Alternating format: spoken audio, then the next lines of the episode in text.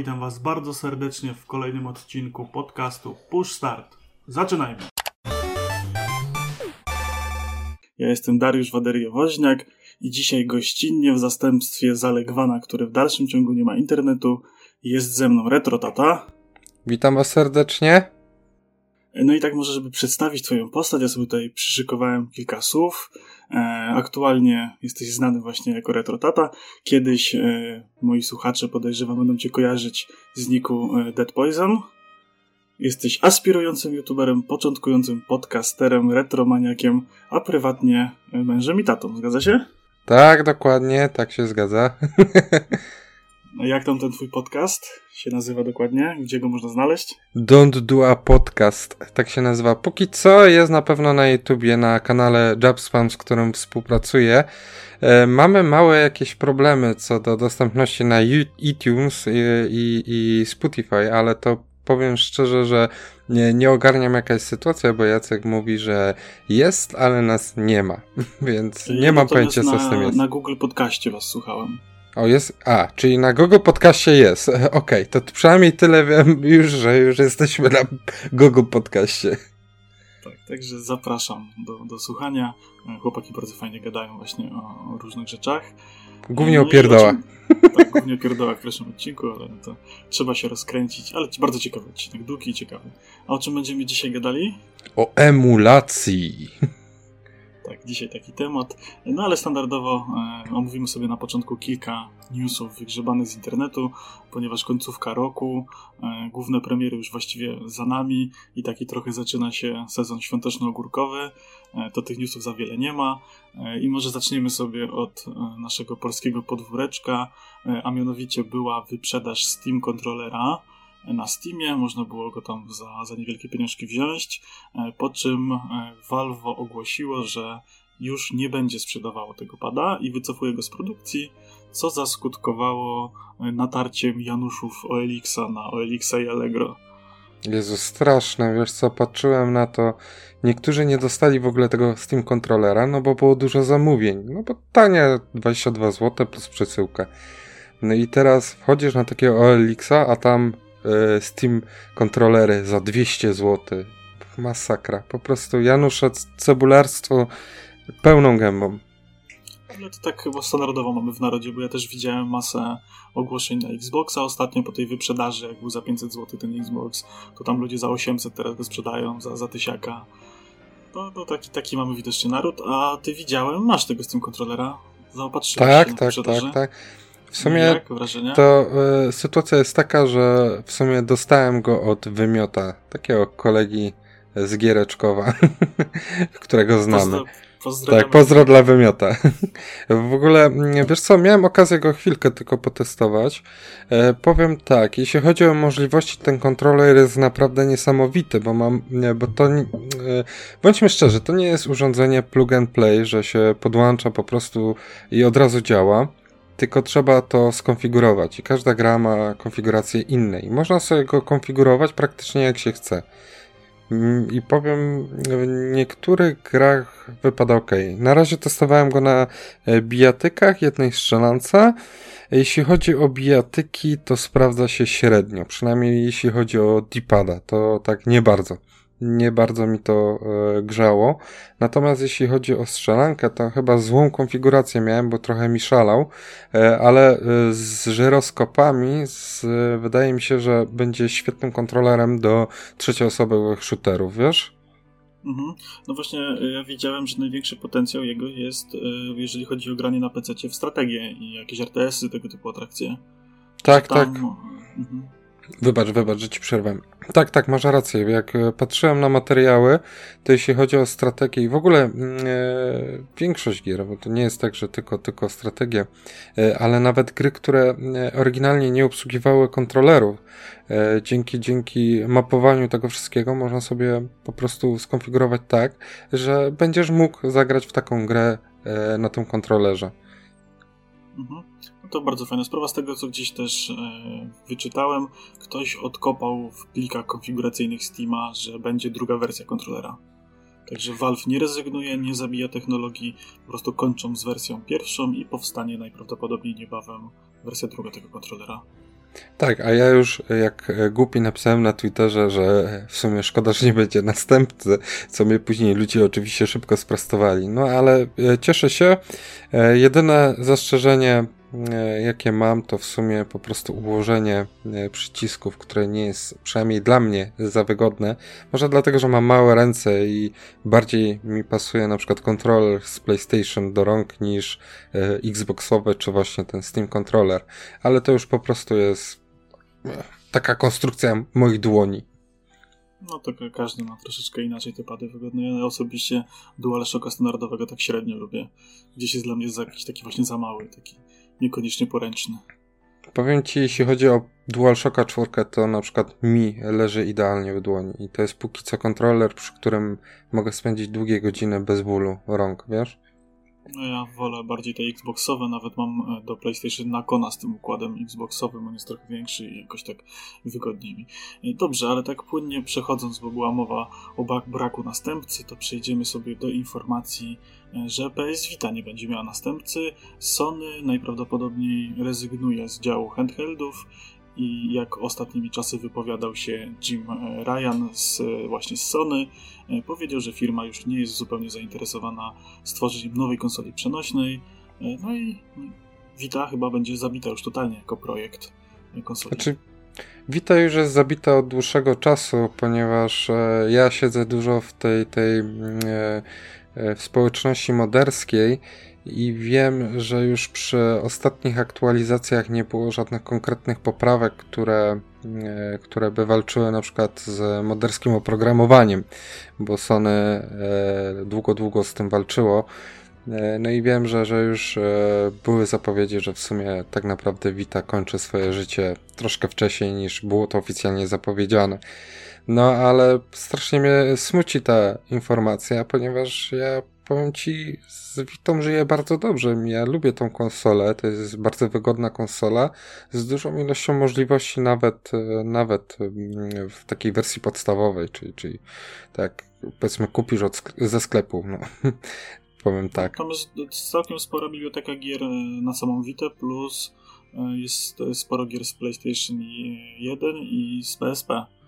Tak, masę, ma, masę, masę gier. Tak, jeżeli ktoś ma coś do nadrobienia, to ja sporo właśnie gier e, nadrabiałem e, na, na PS Vicie i w ogóle ja trochę żałuję, bo to jest jakiś taki niewykorzystany potencjał, chociaż z drugiej strony liczę e, na jakiś fajny remote play przy okazji PlayStation 5 i może na jakiś telefon dedykowany remote play, żeby miał przyciski gałki jakoś wysuwane, jakieś mm. takie urządzenie hybrydowe, może coś ten deseń? Ja powiem ci, e, tak jak pisałem na Twitterze, że mi się wydaje, że Sony tak całkowicie z tej e, poręczności, tej, tej handheldowości raczej nie zrezygnuje. Oni po prostu nie stworzą e, kolejnego handhelda, ale tak jak mówisz, że jak jest ten PlayStation Now albo właśnie Remote Play, to najprawdopodobniej stworzą coś na wzór handhelda, ale nie będzie to typowe handheld, to będzie urządzenie androidowe, które będzie po prostu wykorzystywało taką te te technologię, tą, tą streamową, mhm. streamingową, przepraszam. E, było coś takiego, chyba to się nazywało PlayStation Go i to było połączenie telefonu Xperia z,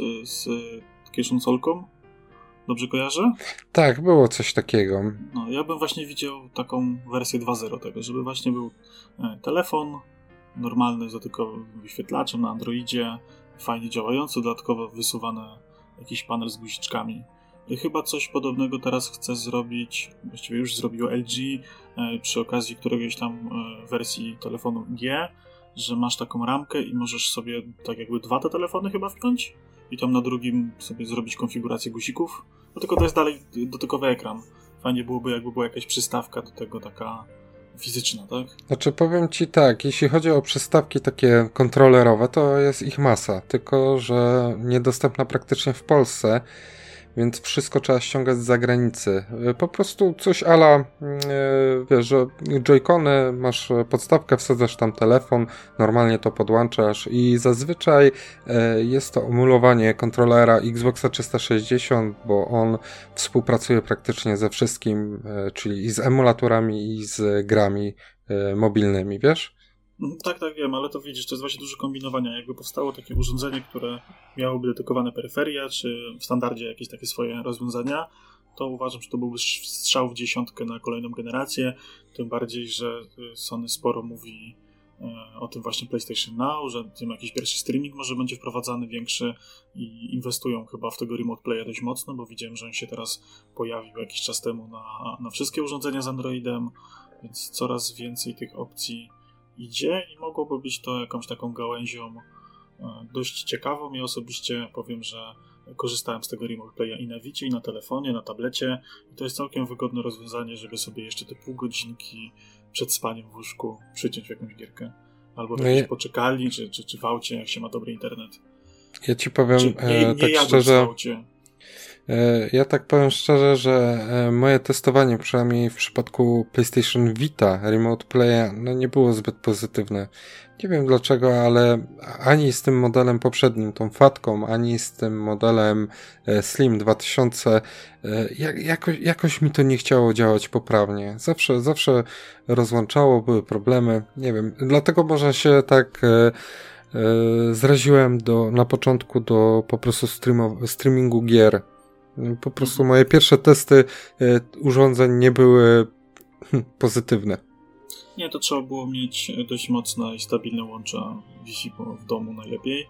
E, ja pamiętam, że Wiedźmina trzeciego sporo questów pobocznych i sporo znajdziek zrobiłem właśnie w łóżku na Wicie. Bardzo się przyjemnie w to grało. Fallouta czwartego też tak sporo takich questów pobocznych robiłem. No, ale powiem Ci, jeśli chodzi o streaming gier, nie jestem do końca, e, wiesz, negatywnie nastawiony, bo miałem okazję potestować e, e, Steam Linka na Raspberry Pi i miałem okazję też potestować Shielda i powiem to, no to działało, wiesz, to nie było z tym problemów i fajnie to wyglądało. Jeśli chodzi o Steam Linka, to w przypadku tej samej sieci, w przypadku, w przypadku Shielda to akurat korzystałem na moim złomie, czyli na mojej komórce e, i wyglądało to naprawdę świetnie, więc e, ja jestem za, jeśli to rzeczywiście będzie działać. Znaczy, wiesz co, ja osobiście uważam, że to będzie bardziej tak skierowane do takich graczy niedzielnych, casualowych, że niekoniecznie inwestować kupę pieniędzy w jakiś drogi sprzęt do grania, ale raz na jakiś czas jakąś gierkę, która cię zainteresuje, możesz sobie, wiesz, ograć w chmurze i to będzie coś, coś fajnego, coś, co myślę zachęci sporo ludzi, yy, który, którzy nie grają teraz do grania. Myślę, że to będzie, że to w tą stronę bardziej pójdzie, że to nie jest taki, wiesz, dla, dla hardkorowców, którzy lubią wysokie e, FPS-y, rozdzielczości i mieć sprzęt za kupę pieniędzy, a właśnie dla takich ludzi, którzy na co dzień normalnie nie grają że to w tą stronę pójdzie. No ale dobra, bo żeśmy tak bardzo e, odbiegli od tematu. Może, prze, może przejdźmy dalej. E, taki krótki konik podkarski jeszcze przygotowałem. Mianowicie pojawiły się plotki o tym, że kolejna gra ekskluzywna dla PlayStation, czyli Horizon Zero Dawn, e, będzie na PC najprawdopodobniej niedługo dostępna. Wiesz co, mój kontakt z tym Horizonem, no gierka jak gierka, prawda? Ale to, że wychodzi poza PlayStation tro, troszkę mnie cieszy i to nie jest jedyna gra, bo Jakuzy zaczęły wychodzić poza e, poza przecież PlayStation, a prze, przez długi czas były praktycznie ekskluzywami, nie licząc, e, nie licząc e, jednego wyskoku na Wii U w Japonii, czy tam może jeszcze na coś e, wyszło e, też w kraju kwitnącej wiśni, e, ale tak cieszy mnie to. Heavy Rainy wychodziły przecież, e, Beyond Two Souls wyszedł z PlayStation. E, ludzie, którzy nie mieli oczywiście okazji pograć w te tytuły, teraz będą mogli na przykład na PC i to jest super. Więcej, tak, więcej gier. że to jest właśnie bardzo fajne, że im więcej gier wychodzi multiplatformowo, to jest troszeczkę lepiej. E, jedyne, co mnie śmieszy w całej tej sytuacji, to argumenty takich hardkorowych fanów Sony, że na Xboxie to nie ma ekskluzywów, bo wszystko jest na PC. E, może się okazać w najbliższej generacji, że Sony też tak będzie robiło. I, I dobrze, i dobrze, niech się skończy już ta ekskluzywność. Ja rozumiem, e, że ekskluzywy sprzedają konsole, bo bądźmy szczerzy, jakbym miał wybierać na przykład możliwość zagrania w God na PS4, a zagrania na Switchu, to wybrałbym na Switcha. Choć jakoś, jakoś tego e, na Switchu mogłaby być bardzo ciekawa. Choć e, nie wiem, czy tak odchodząc na chwilę od tematu, słyszałeś, że opcja izolacja na Switchu wygląda lepiej niż na PS4. Ale opcja izolacja ogólnie wygląda kiepsko, więc myślę, że to nie jest duże, wiesz, jakieś yy, duże osiągnięcie, że wygląda lepiej. To ogólnie ta gra no. jest biedna, więc... No, ale chodzi o zastosowanie jakiegoś antyaliasingu, który mm. w momencie premiery na PlayStation 4 był niedostępny, e, a teraz, że ta technologia powstała, to na Switchu wygląda to lepiej. No, ale to tak odchodząc do tematu. E, co tam jeszcze ciekawego było? E, no to jeszcze mam plotki o Spider-Manie dwójce, że, że powstaje podobno, że właśnie Insomnia robi kolejną odsłonę.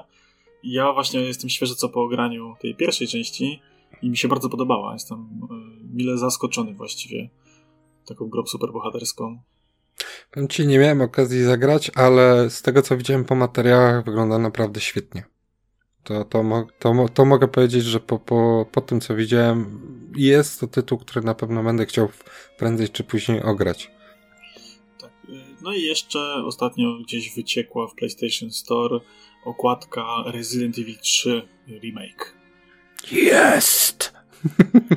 tak, tak. Fan, fan Residentów kolejny. Tak. W szczególności, że Resident Evil 2 remake wyglądał świetnie i naprawdę fajnie się w niego grało. Super. No ja jeszcze nie grałem, mam właśnie przyszykowanego na PC. Myślę, że w najbliższym właśnie przerwie świąteczno-noworocznej sobie nadrobię i myślę, że chyba fajnie, że wychodzi, bo to jest e, dobra seria gier, która troszeczkę odstrasza w dzisiejszych czasach e, i ci młodzi gracze, czy gracze, którzy przegapili w ogóle tego typu gry, tak wrócić do tego, co, co tak jak to wtedy wyglądało, to tak średnio, ale w odświeżonej wersji myślę, że, że całkiem przyjemnie. Ale powiem ci, mi się zdaje troszkę takie błędne myślenie, bo na przykład Resident Evil 1 remake, który wyszedł, w sumie remake, e, remaster remake'a, bo tak dokładnie, bo remake wyszedł na GameCube'a, no i później został zremasterowany na PlayStation 3 i e, od, od właśnie tej gry zaczęło się szaleństwo Capcomu na wydawanie tych remasterów. Nie wiem, czy zauważyłeś. Na początku Capcom coś tam. Ten wy wydał tego remastera i szałciał. I nagle Capcom stwierdził, to się opłaca i zaczął wydawać remaster za remasterem gier. I my, my, my dzięki temu mamy Oni Muszę, co prawda na razie jedną część, Devil May Cry, wszystkie trzy, najlepsze praktycznie, no, nie licząc dwójki, ale to już osobny temat. No, e, no i wszystkie rezydenty możliwe, w tym Resident Evil 4 wydawany praktycznie na wszystko.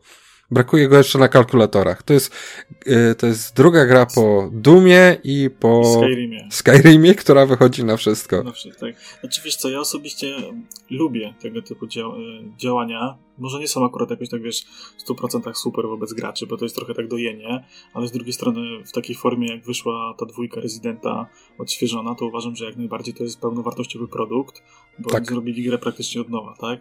Ale osobiście właśnie e, to jest z jednej strony dobre, bo e, kupią gracze, którzy darzą gry jakąś nostalgią, wychowali się na tych grach i w ogóle, a z drugiej strony kupią ludzie, którzy nigdy w to nie grali. Ja na przykład y, mnie te pierwsze rezydenty ominęły całkowicie. Y, gdzieś tam grałem w czwórkę, grałem w piątkę i w szóstkę i jakoś mnie to tak nie porwało, no bo miałem trochę niespójności, tak? No fajnie jest znać całą, całą serię i o co chodzi wiedzieć. I właśnie to będzie dla mnie dobra okazja, żeby nadrobić sobie to w takiej już bardzo niegryzącej oprawie wizualnej, tylko właśnie w takiej nowoczesnej, bardzo ładnej grafice. I to, to się będzie sprzedawało tego typu gry. No. I tak, i tu się zgodzę oczywiście, a co jeszcze lepiej, jeśli ktoś jest naprawdę wielkim fanem Residenta, e, to powstał e, mod do właśnie Resident Evil 2 Remake, e, który, e, który udostępnia praktycznie no, te kamery statyczne. Czyli jeśli ktoś chce pograć w klasycznego Residenta w nowym Rezydencie, to też ma możliwość. O, to super. No to dobra, z ploteczek i newsów byłoby na tyle. E, I teraz możemy płynnie przejść do tematu odcinka, jakim jest emulacja. I tutaj mamy e, poniekąd specjalistę, człowieka, który troszeczkę już wyemulował w życiu i, i prowadzi całkiem fajny kanał na YouTube poświęcony właśnie między innymi emulacji. E, no i ja tak może, e, ponieważ ja się zupełnie na tym nie znam, to wygrzebałem z Wikipedii, czym jest emulacja i Wikipedia tutaj nie poszalała, bo autentycznie są to dwa zdania, czyli emulacja jest to programowe symulowanie działania określonego oprogramowania lub platformy sprzętowej na innym sprzęcie e, lub na sprzęcie innego typu. Proces ten dokonywany jest za pomocą specjalnego programu zwanego emulatorem. I tyle dla laika. Wikipedia mówi o emulacji, e, a jak się okazuje, jest to całkiem rozległy temat. Więc e, co to jest emulacja? Ci temat jest bardzo rozległy, bo emulacja dotyczy wielu aspektów praktycznie. Możemy emulować przecież e, całe systemy, e, możemy emulować gry, możemy emulować inne rzeczy. Powiedzmy tak, no wiesz co, e, bo Wikipedia w sumie mm, całkiem dobrze to określa. Najprościej to określić, że po prostu bierzemy na przykład Mówię to jako przykład, że bierzemy tego Nintendo Entertainment System, prawda? I tworzymy takie oprogramowanie, które będzie odtwarzało po prostu gry, czyli te kopie, czy tam co, co tam jest potrzebne, jak e, sprzęt, czyli software, oprogramowanie emuluje hardware, czyli sprzęt, czyli tak jakbyś emulował inny komputer tak naprawdę. No, no co, co też jest, to, co też się zdarza, bo e, na przykład ja za moich czasów, jak e, nie studiowałem, ale chodziłem do liceum informatycznego, to my mieliśmy Macintosha i my na tym Macintoshach musieliśmy emulować e, system Windows, żeby programować w Pascalu. To było po prostu parodia. A to wiesz jak to działało? bardzo źle. Się, jak to działało. No, no bardzo źle. Z, z takim emulowaniem jednego rodzaju sprzętu dość specyficznego na drugim rodzaju sprzęt, sprzęcie jest dość problematyczne, przede wszystkim e, jeżeli chodzi o samą architekturę e, systemową procesorów. Ja tutaj właśnie troszeczkę na studiach miałem ten temat liźnięty i to jest dość skomplikowane i to jest właśnie dlaczego jest potrzebny dużo mocniejszy komputer do e, emulowania dużo słabszego sprzętu. I gdzieś znalazłem nawet taką informację, że żeby właśnie e, tego NES-a klasycznego emulować, potrzebne jest 16 razy mocniejszy komputer, żeby wyemulować sam sprzęt. Nie mówiąc tak. o sa samym odtwarzaniu gry potem jeszcze. No tak, bo oba sprzęty, i komputer, i Nintendo Entertainment System, mówią w zupełnie innych językach i trzeba e, stworzyć takie oprogramowanie, które będzie tłumaczyć język e, tego Nintendo Entertainment System, no będę w skrócie mówić NESa, e, żeby komputer go rozumiał. I teraz jeszcze mm, e, tak jak jest z komputerem. Komputer ma dokładnie tak samo. To, to nie jest tak, że e, jak my podłączymy sobie kartę, to będzie, że komputer od razu wszystko rozumie. Potrzebne jest oprogramowanie, które e, tłumaczy działania między różnymi no, urządzeniami, prawda? Czyli w tym momencie ten emulator nie tylko musi tłumaczyć, wiesz, tłumaczy tego NESa e, komputerowi, to jeszcze musi być tak skonstruowany, żeby każdy, każdy sprzęt tego komputera też to rozumiał. To inaczej był skonstruowany NES, inaczej jest komputer, jeszcze każdy, jeszcze mamy, wiesz, miliard kart graficznych, miliard e, procesorów, miliard płyt głównych i później, wiesz, taki e, emulator musi wytłumaczyć co robić, żeby to działało dobrze. Dlatego, dlatego emulacja nigdy nie będzie w 100% e, poprawna. No, są emulatory, które bardzo się do tego zbliżają, no ale wciąż, wciąż jeszcze to jest daleka droga. No i popatrzmy e, praktycznie na przykład na emulator z PlayStation 3.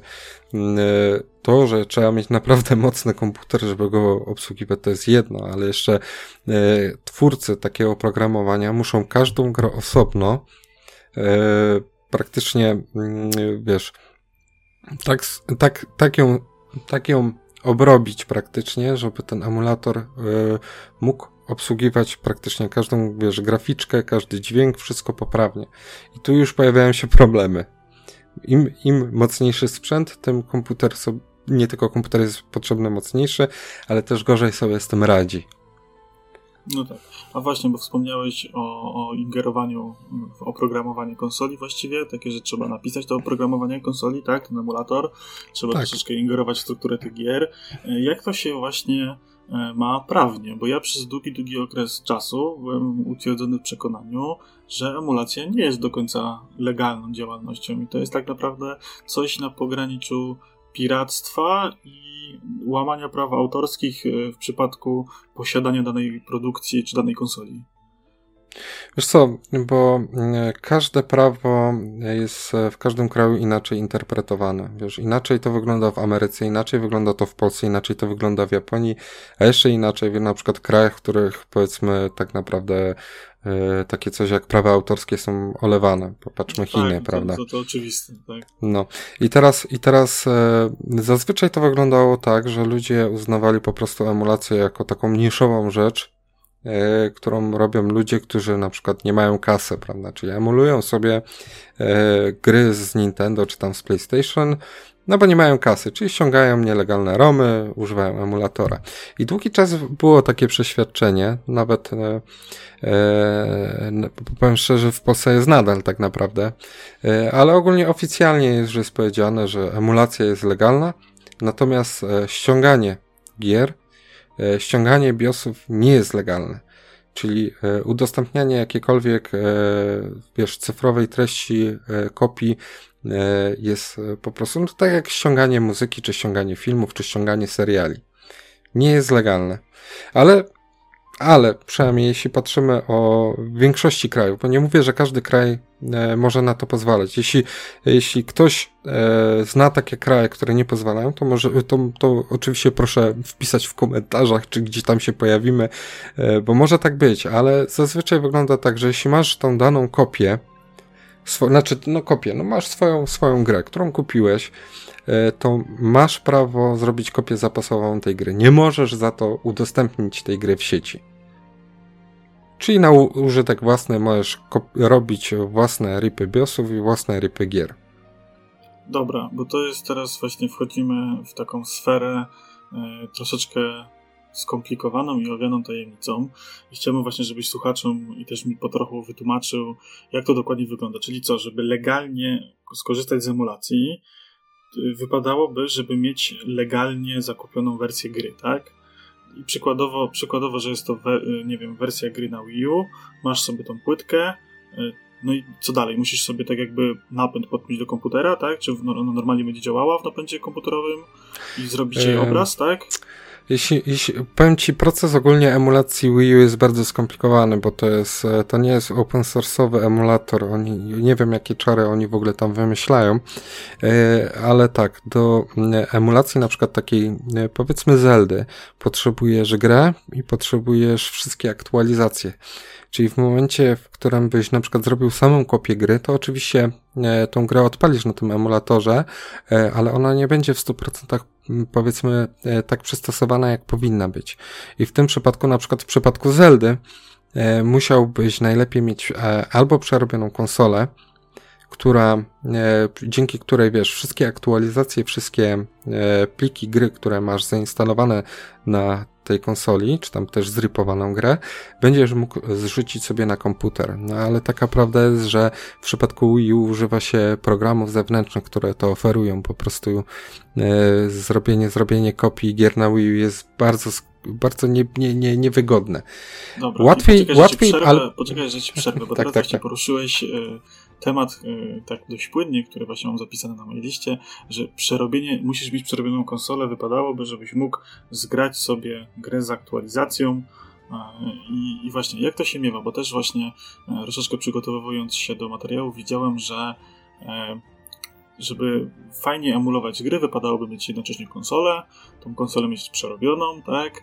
E, I na przykład też e, widziałem a propos PlayStation Vita, że gdzieś tam ludzie przerabiają PlayStation Vita po to, żeby wgrać pełny emulator do PlayStation e, Portable, przerabianie Vity, boże, przerabianie Wii U, żeby zgrywać właśnie te gry z patchami. I jak to się właśnie ma też, jeżeli chodzi o legalność i w ogóle i o sens robienia tego, bo skoro masz konsolę i masz grę, to w jakim celu to w ogóle emulować? Dobra, bo teraz wchodzimy dosłownie na głęboką wodę, bo to jest, to jest masę rzeczy w sumie nawiązałeś i masę rzeczy trzeba by było wytłumaczyć. E, jeśli chodzi o softowanie konsol, prawnie jest to legalne przynajmniej w większości krajów. Wiem, że na przykład w Japonii e, nie możesz przerobić konsoli, jest to zabronione prawnie. E, no i rzeczywiście można za to odpowiedzieć karnie. Natomiast wiele krajów jakby do tego podchodzi bardzo E, powiedzmy olewająco. E, natomiast jeśli przerobisz konsolę, to oczywiście już łamiesz tam jakieś, e, jakieś tam te, te użytkownika, co może się oczywiście wiązać no, z po prostu otrzymaniem na przykład bana E, w zależności, w zależności od tego po prostu jak firma też na to reaguje. No i firmy zazwyczaj walczą z e, programowaniem, bo bądźmy szczerzy, że większość użytkowników używa e, oprogramowania też do po prostu rzeczy nielegalnych, ale co nie oznacza, że samo softowanie konsoli nie daje nam masę możliwości. Poza, poza oczywiście piractwem, bo na przykład bo wspomniałeś na przykład właśnie PS Vita.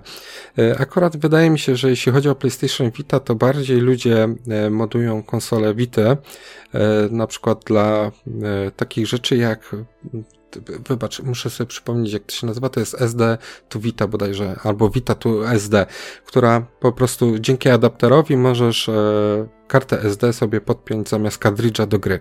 I wtedy możesz na przykład sobie rozszerzyć pamięć do 200 giga.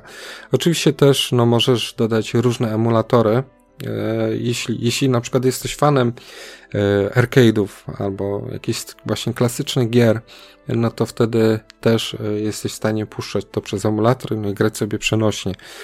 A konsol przenośnych, które oferują w sumie granie w retro gry też nie jest za dużo. Bo, no, bądźmy szczerzy, nie, miał, nie chciałbyś na przykład zagrać w jakąś klasyczną grę, którą gra jest za dzieciaka przenośnie? Nie, no jak najbardziej tak, tutaj, tutaj y, rozumiem sens tego, y, no ale właśnie wracając do tego tematu Wii U. Y, to masz Wii U, masz kopię gry na Wii U, to po co ją emulować? Bo ja widziałem u ciebie na kanale filmy właśnie z Zelda na przykład. No wiesz co, Chciałbym, emulacja... żebyś o tym opowiedział. No tak, jeśli, jeśli chcesz iść takie pełno retro, no to bierzesz Wii U, grasz na Wii U. Ale jeśli na przykład chcesz wycisnąć z danej gry troszkę więcej, no to wtedy możesz to puścić właśnie przez emulator. Wtedy e, no nie tylko w sumie możesz zwiększyć rozdzielczość gry, dodać efekty, których nie było, no ale także dodać mody, które zmieniają na przykład modele postaci. Nie wiem, czy, czy miałeś okazję zobaczyć, ale ludzie naprawdę fajne rzeczy dodają do e, tej Zelda Breath of the Wild na emulatorach. Zupełnie nowe dungeony, albo na przykład e, Linka zmieniają w tą wersję żeńską, Linkiet, jakoś tak się nazywa, nowe bronie, nowe zbroje, jakieś nowe rzeczy, wiesz, no to jest tak jak z modowaniem gier na PC. Dodajesz to już później, żeby, wiesz, bo lubisz tą grę i chcesz jeszcze w niej spędzić czas, ale już robienie tego samego nie sprawia ci tyle radości.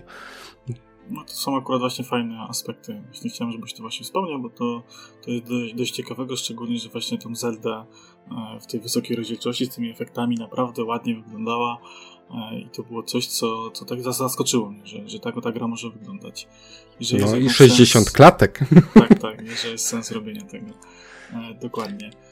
Mhm. No to jak już mamy omówione tak w skrócie, po co w ogóle emulować te gry, no to ale pytanie, właśnie, wy, wy, czy, wybacz, mhm. że ci przerwę, e, bo jak już jesteśmy akurat na tym, na tym terenie, to chciałbym wspomnieć właśnie po co emulować, no ale przecież e, już sięgając po Witę, e, sięgasz także po gry, które legalnie, już mówię, nie, nie mówię o jakimś softowaniu czy, e, czy ten. Już w momencie, w którym masz Witę i ściągasz sobie jakąś grę z PlayStation 1 albo z PSP na tej Wicie, to już w tym momencie e, jesteś na terenie emulacji, ponieważ Sony e, emuluje te gry. To są normalnie gry puszczane przez emulator.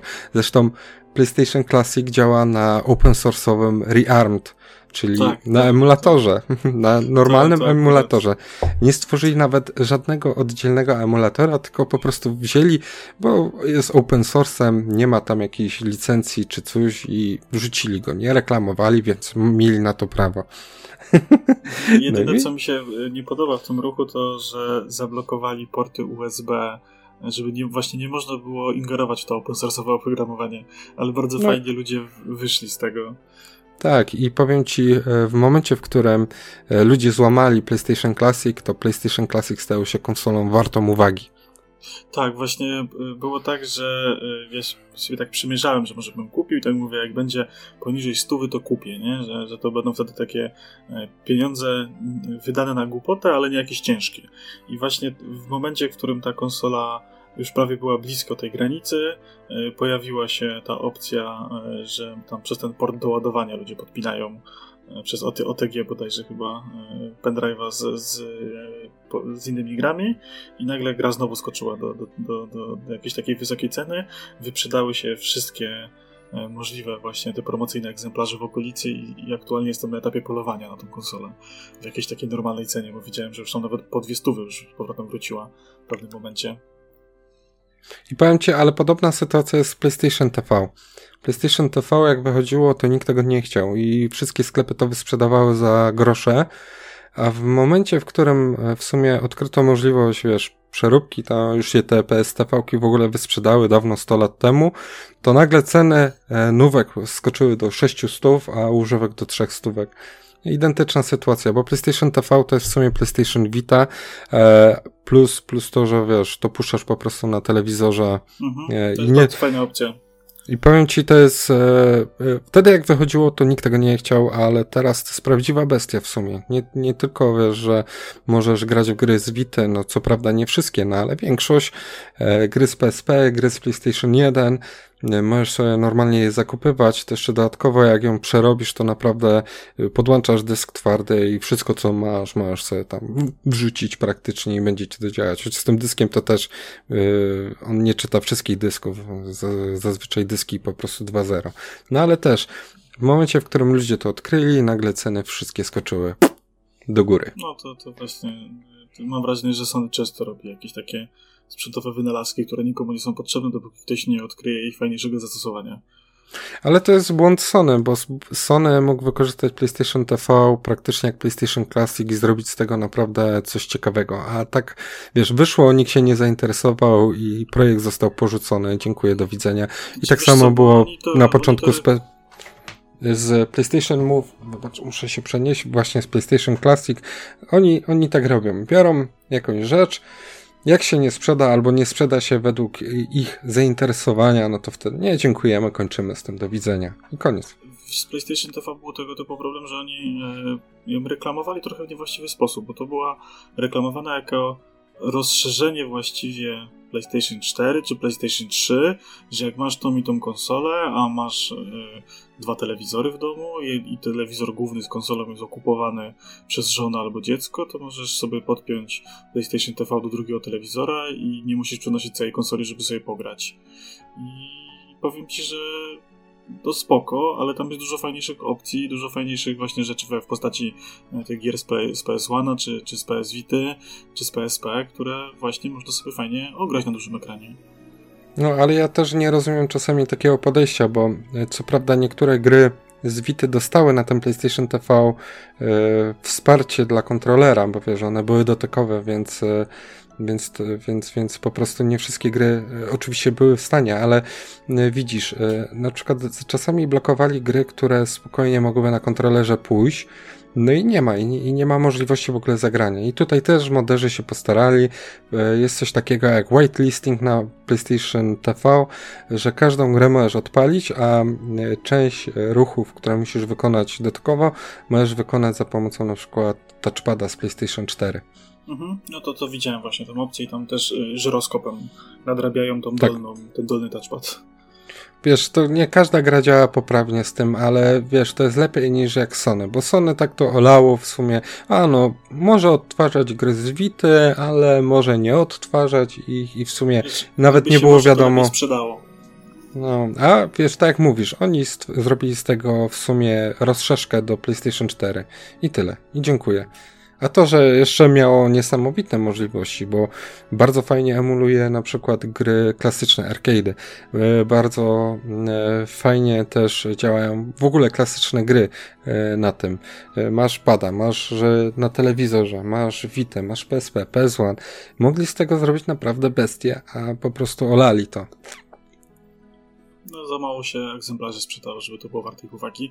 A wracając właśnie do, do tematu samej emulacji, to wspomnieliśmy właśnie po co w ogóle emulować te gry.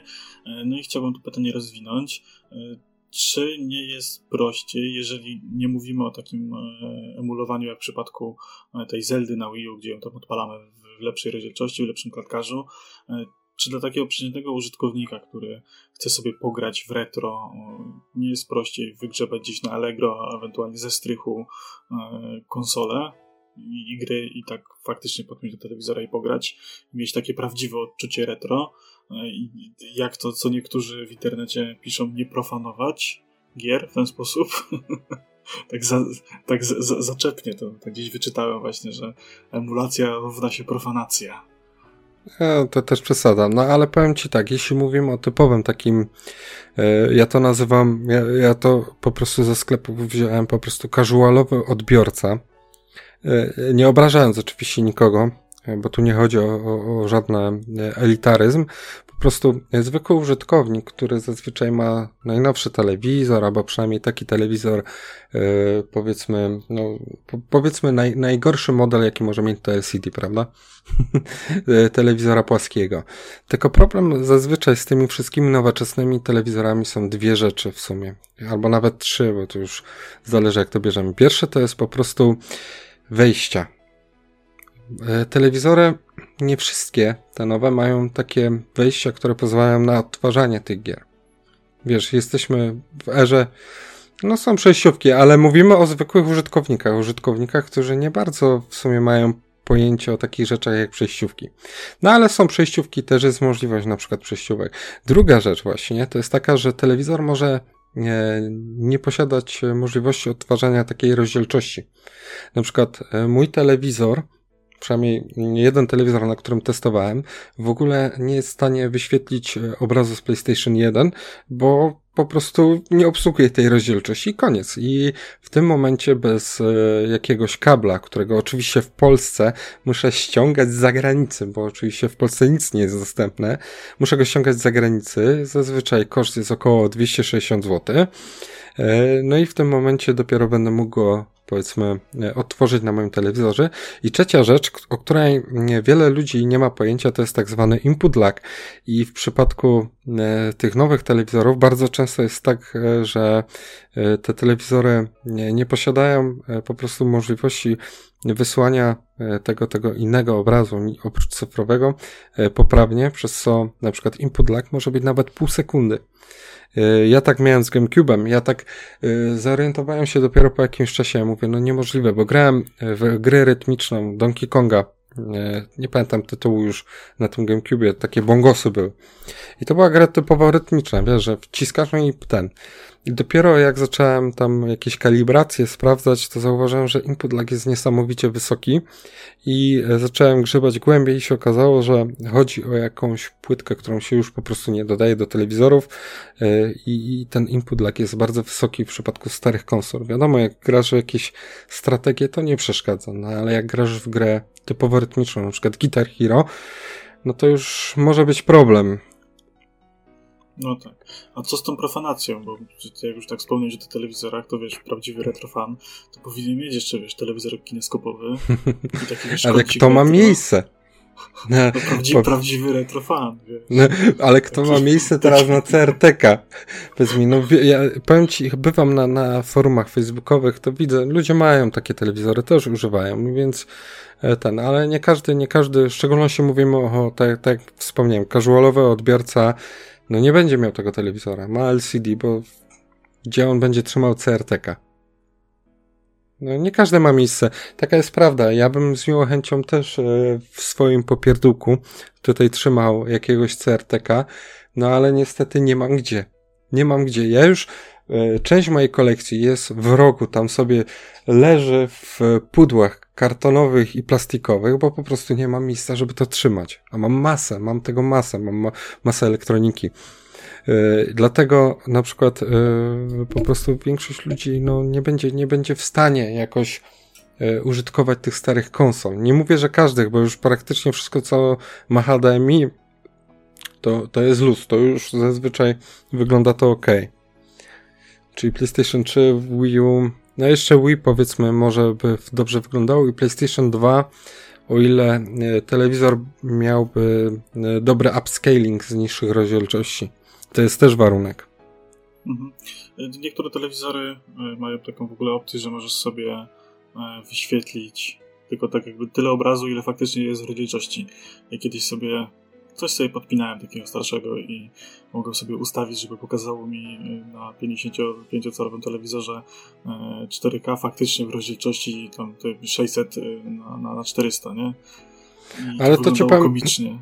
No, no ja, ja się domyślam, ale powiem ci, to naprawdę mm, zależy od telewizora. Mam dwa telewizory. Mam jeden 32 cale, 720p, no, czyli HD, prawda? i na nim na przykład mój PlayStation 2 wygląda tragicznie, natomiast na e, moim 55-calowym, e, który e, ma fajny upscaling, PlayStation 2 wygląda naprawdę świetnie.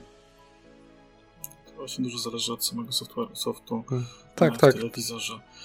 Dobra, a co z tymi wszystkimi retro konsolkami? Jak one się w ogóle mają te wszystkie, e, właśnie już o PlayStation Classic powiedzieliśmy, a teraz wyszła Sega, e, wyszły przecież dwa rodzaje Nintendo konsolek i chyba się szykuje w najbliższym czasie GameCube, z tego co gdzieś e, jakieś takie plotki słyszałem. O GameCube nie słyszałem, powiem ci szczerze. To gdzieś, gdzieś mi kiedyś mignęło, że, że, są, że myślą chyba nad GameCube'em.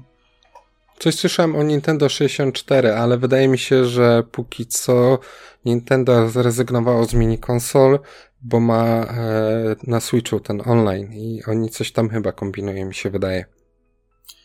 Tak, może tak, no. Ale Co jest zresztą uważam, też emulacją. Tak, tak. No, ale, tak, wszystkie te. Właśnie, wszystkie te, te, te, te, Tak, tak. Wszystkie te e, konsolki e, tak naprawdę są emulatorami wszystko, co tam jest w środku, to jest emulacja. To nie, nic innego nie ma, taka jest prawda. Taka, taki e, Nintendo NES niewiele się różni od Raspberry Pi. To jest mini komputer w środku, który odtwarza gry, no, romy, po prostu gier, które zostały wgrane. E, ba, nawet e, nie wiem, czy, czy widziałeś, wyszedł ostatnio kontroler Capcomu, E, ten taki, no, arcade'owy controller z napisem Capcom. Ten, ten, ten no. taki brzydki. Tak, brzydki. Ale powiem ci, on, on brzydko wygląda na zdjęciach, ale e, z tego co widziałem na materiałach, to on całkiem nieźle wygląda. Nie licząc tego, że Capcom jest kiczowate jak masakra, że ten napis znaczy, jest, co, ale sam wygląd... i on dalej wygląda brzydko. W sensie, że mogliby sobie darować napis Capcom na, na cały ten... No, ale przynajmniej się postarali, jeśli chodzi o sprzęt w środku, bo e, te kontrole, znaczy te joysticki, te przyciski są naprawdę jednej z najlepszych firm, więc, e, więc przynajmniej to jest e, o tyle. No, ale w środku jest nic innego jak emulator Born Alpha. Normalny emulator, który możesz sobie ściągnąć z internetu. Ba, nawet była straszna e, związana z tym Draka, bo e, ten twórca, który współpracował z Capcomem, e, nie był jedynym twórcą tego emulatora i on tam nie, nie, nie dał znać tym innym twórcom.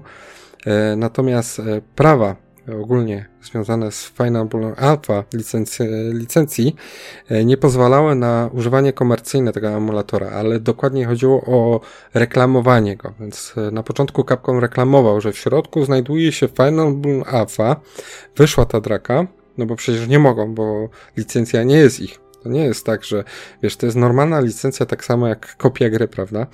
E, I nie mieli prawa do reklamowania, ale że licencja została ułożona w taki sposób, jaki została ułożona, e, no to mogą go używać, ale nie mogą go reklamować. Rozumiesz? Więc tak, ale powiem Ci tak, jeśli chodzi o Capcom, no to Capcom bardzo szybko rozwiązało sprawę, jeśli chodzi o sprawę e, tego e, Davida, czy tam, nie wiem jak on miał, e, no to, to, to już zawalił sprawę, że, że nie skontaktował się, ale znając życie, nikt by nie robił problemów, bo tak jak każdy emulator jest stworzony dla ludzi przez ludzi. No, pewnie by mu tam sypnęli grosze i już byłby w ogóle wszystko legit. E, dobra, to tak już może e, na sam koniec tej naszej rozmowy o tych emulatorach e, chciałbym, żebyś jeszcze może opowiedział o takich najprostszych, najbardziej dostępnych właśnie emulatorach. Od czego zacząć? Jak ktoś jest zielony, posłuchał nasz odcinek, zainteresował się, gdzieś tam zajrzy do ciebie na kanał, gdzieś tam poczyta sobie w internecie, to od czego bym, gdzie byś go nakierował? Na, na, na jakie emulatory może? Na czego emulatory? Powiem ci tak, zależy, jeśli ktoś chce używać typowo w komputerze, to dobrym początkiem może być RetroArch. To jest, e, nawet zrobiłem materiał o tym, jest dostępny e, poradnik, jak, jak zacząć w sumie z RetroArchem. E, to jest tak zwany frontend z emulatorami i on po prostu zawiera w sobie jakby masę korów tych emulatorów i pozwalają one na odtwarzanie gier. Powiedzmy, to byłby taki pierwszy krok, w którym bym szedł. Ja osobiście wydaje mi się, że bardziej bym polecił na przykład skorzystanie z takich urządzeń jak Raspberry Pi, e, do emulacji, wgranie po prostu, wgranie e, jakby systemu do karty pamięci, który by odtwarzał, to wydaje mi się bardzo sensowne, bo Raspberry Pi działa porządnie. E, później, no już niestety większość emulatorów, z których trzeba korzystać, no działają zazwyczaj osobno. Niby RetroArch ma w sobie na przykład e, emulator 3DS-a, ma niby coś z PlayStation 2, ale jeszcze nie udało mi się na przykład osobiście nic odtworzyć na, na, na tym emulatorze. E, na tych emulatorach korach dokładniej. Jeśli chodzi o na przykład arcade'owe gry, najlepsze zawsze będzie mamy. To jest bardzo prosty w użytku, nie ma z nim problemów, odtwarza się gry. Może być problem z bindowaniem na przykład yy, przycisków, no ale na przykład mamy też działa na RetroArchu, a RetroArch binduje i kontrolery, no i w sumie na klawiaturze też człowiek e, pogra, jest masa skrótów i tak dalej. Później, co jeszcze mógłbym polecić, to na przykład emulator z PSP jest też bardzo prostym emulatorem, bo praktycznie działa na zasadzie prawie jak plug and play. Instalujesz emulator, wiesz, odpalasz, odpalasz po prostu emulator. Jeśli masz kontrolę, no to podpinasz kontrolę, on praktycznie go automatycznie widzi, binduje. No i już tylko zostaje po prostu wrzucić grę i ją yy, uruchomić. Nawet nie trzeba zbytnio e, kombinować w ustawieniach, bo praktycznie działa od strzała. Fajnie, fajnie. A właśnie, e, takie jeszcze mam jedno pytanie, e, właściwie pomocniczo, e, takie ciekawostkowe. Da się w jakiś sposób legalny zdobywać romy, jeżeli na przykład jakaś gra jest już czy bardzo stara, czy już wyszła dawno z obiegu, już nigdzie nie dostaniemy tego no, ewentualnie na eBayu za setki tysięcy dolarów, to jest jakaś forma jakiegoś, nie wiem, czy, czy może twórcy mają jakiś sklep internetowy e, dla, dla właśnie fanów emulacji, czy coś takiego, jakieś takie miejsca są, żeby gdzieś legalnie dostać? Wiesz co ci powiem, fajnie by było, ale niestety, jeśli chodzi o, o zdobywanie legalnych ROMów, Yy, ogólnie, jeśli mówimy o robieniu kopii zapasowych, no to trzeba mieć ten nośnik. W przypadku gier kadridżowych yy, jest taka opcja, z, musiałbym sobie przypomnieć, jak ta firma się nazywała. Jak miałeś Cadridge, to była firma RetroCode bodajże i ona oferowała po prostu taki slot do kadridżów. Można było robić, wiesz, podpinało się USB do komputera i wtedy oprogramowanie robiło kopię po prostu kadridża na komputer. Najłatwiej jest na przykład gry PlayStation 1, PlayStation 2, bo wtedy po prostu wiesz, rzucasz sobie do napędu, robisz kopię programu, czy tam Burn ISO, czy Ultra ISO, czy, czy jakiś inny ISO, Wykonujesz tą kopię, już masz kopię gry, którą możesz rzucić do emulacji. Z PlayStation Portable jest trochę więcej roboty, bo PSP na przykład musi mieć wgrany software, wiesz? Że so, soft... ten, ten dziwny tak. napęd w ogóle. Tak, tam, musi, tam musi być soft i wtedy można wykonać kopię zapasową gry e, na kartę pamięci. No i już gadaliśmy, że w sumie no, jest możliwość, ale tak naprawdę najlepiej to robić po prostu programami zewnętrznymi. E, co jeszcze takiego? Na przykład Sega wypuściła e, taką kolekcję gier. Jest Sega Classic z Mega Drive'a. E, tam też są romy normalnie do użytku, tylko chyba trzeba zmienić e, nazwę tych romów na, na poprawny format, który używa emulator. Natomiast jeszcze z takich, z takich na przykład firm, które, ale akurat na PC, oczywiście to jest NeoGeo.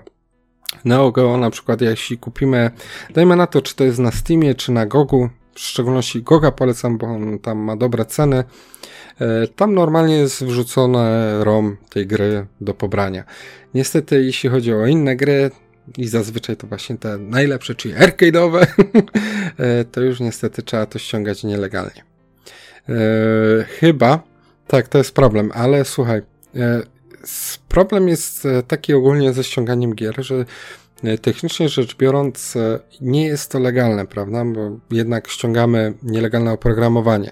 Ale na przykład w Ameryce mm, e, mówi się o czymś takim, i to mówię nie tak, że to ludzie mówią, tylko to są dosłownie słowa, słowa prawnika, jest, określają to jako taki fair use w przypadku, jeśli posiadamy tą grę. Jeśli na przykład masz tą grę i ściągniesz ją z internetu, to oni tam określają mm, e, takiego słowa, nie, nie wiem jak to dokładnie przetłumaczyć dokładnie na polski, to jest legal defensibility. No to Czyli... jest takie, że jest nieszkodliwe, no bo jeżeli masz faktycznie coś fizycznie na nośniku, a przykładowo nie masz możliwości wykonania kopii zapasowej, no tak sobie ją ściągniesz, to to jest mała szkodliwość tego czynu, tak? Tak, tak, dokładnie. Ma szkodliwość i, e, i to wszystko zależy w sumie od firmy, bo technicznie rzecz biorąc, mm, to jak to będzie zinterpretowane, to zależy jak do tego podejdzie firma, wiesz? Bo na przykład wydaje mi się, że takie Sony, Sega będą miały to w dupie. Oni tak jakoś tak podchodzą do tego. Może dlatego, że Sony przegrało te, te wszystkie praktycznie sprawy związane z emulacją, bo Sony e, długie lata się ścigało emulatory i w końcu jak już przegrali wszystko, to stwierdzili, że nie i sami w sumie zaczęli emulować te swoje gry. no. E, ale Nintendo będzie walczyć z emulatorami chyba do końca świata. Będzie kurwa apokalipsa, będzie Fallout, e, a Nintendo dalej będzie głosić, że emulatory to jest rzecz zła. Wiesz, bo Nintendo ma dużą bazę tych fanów, nawet tych właśnie klasycznych, tych retro gierek i na tym da się kosić pieniążki w dalszym ciągu. No teraz na Switchu przecież tak, nie dość, że mają tego, te, te swoje dwie aplikacje z tymi retrogierkami, to jeszcze ostatnio widziałem, że, że kontra ma być osobno sprzedawana jako osobna gra na Switcha. Tam ta cała paczka tych kont, czy już jest, czy będzie. Więc wiesz, coraz więcej tego typu gier się gdzieś tam pojawia e, w sprzedaży i jeżeli można czymś zarobić dwa razy, no to dlaczego tego mają nie zrobić, tak? Ale słuchaj, jakby biznes. tylko dwa razy. To, tylko, tak? to nie jest dwa razy. To e, taka firma, ona będzie co e, generację praktycznie trzepać na tą kasę. Oni chcą na tym trzepać no i będą tak dobrze, tak robić. No. no. moim zdaniem dobrze, bo jednak y, mają tą bazę. No, zrobili kupę dobrego dla, dla gamingu i może u nas nie są tak bardzo popularni jak w innych krajach, bo gdzieś Polska tą erę Nintendo przespała na Pegasusie 20 lat za późno, ale, ale jednak jest, jest grupa fanów tych gier i te gry są naprawdę dobre. Ja w dalszym ciągu cieszę się jak głupi, jak mogę sobie jakąś starą gierkę na Switchu odpalić i sobie pograć ją trochę i przypomnieć jak to było za dzieciaka. No, ja się nie dziwię. Ja takiego głupiego Super Mario to praktycznie trzy razy kupiłem. Bo go kupiłem na 3DS-a, kupiłem go na Wii U i jeszcze miałem go na Wii. no, to tak, tak się trzepie właśnie kasy. No właśnie, są ludzie, którzy wracą pieniądze, więc dlaczego tego nie robić? Dobrze, no to chyba byłoby na tyle. Chyba e, tak, żeśmy, właściwie ty, ten temat e, delikatnie liznąłeś, że osoby, które się tym zaciekawiły, które o tym nie słyszały, e, będą mogły grzebać dalej. A osoby, które się o tym znały, no to mam nadzieję, że, że bardzo nie napletliśmy głupot i nikogo żeśmy nie urazili. W szczególności ja, bo swój profesjonalizm na ten temat e, to, to wierzę mocno głęboko. E, no i chciałbym, żebyś się teraz poreklamował na sam koniec. Gdzie tam cię można znaleźć? Co, gdzie można mnie znaleźć? Na YouTubie można mnie znaleźć jako kanał Retroemulacja lub RetroTata, można też szukać. Jestem też na Twitterze, na Facebooku w sumie też utworzyłem ostatnio e, fanpage. Z Jackiem robimy podcast, który, e, jak już e, rozmawialiśmy, jest na Google podcast, ale nigdzie indziej oprócz jeszcze YouTube'a. Jakby co, no to ten podcast jest na pewno dostępny u Jacka na Job Spam. I w sumie chyba tyle, bo nic innego już nie mam więcej, póki co przynajmniej. Tak, wszystkie linki standardowo będą w opisie. Jak nie zapomnę, e, do mnie możecie znaleźć na Twitterze pod małpką e, Waderię przez dwa na końcu. E, no i zapraszam na, na Discorda. Link do Discorda jest w opisie. Aktualnie Discord się zmienił. Postanowiliśmy zrobić taką dużą społeczność podcastową na, na jednym Discordzie i zapraszam tam. Tam właśnie i Retrotatę, i mnie znajdziecie, i wspomnianego Wymiota, i wielu, wielu innych, którzy gościli bądź będą gościli w moim podcaście. I zapraszam do, do słuchania następnego odcinka. Do zobaczenia. No, trzymajcie się, na razie.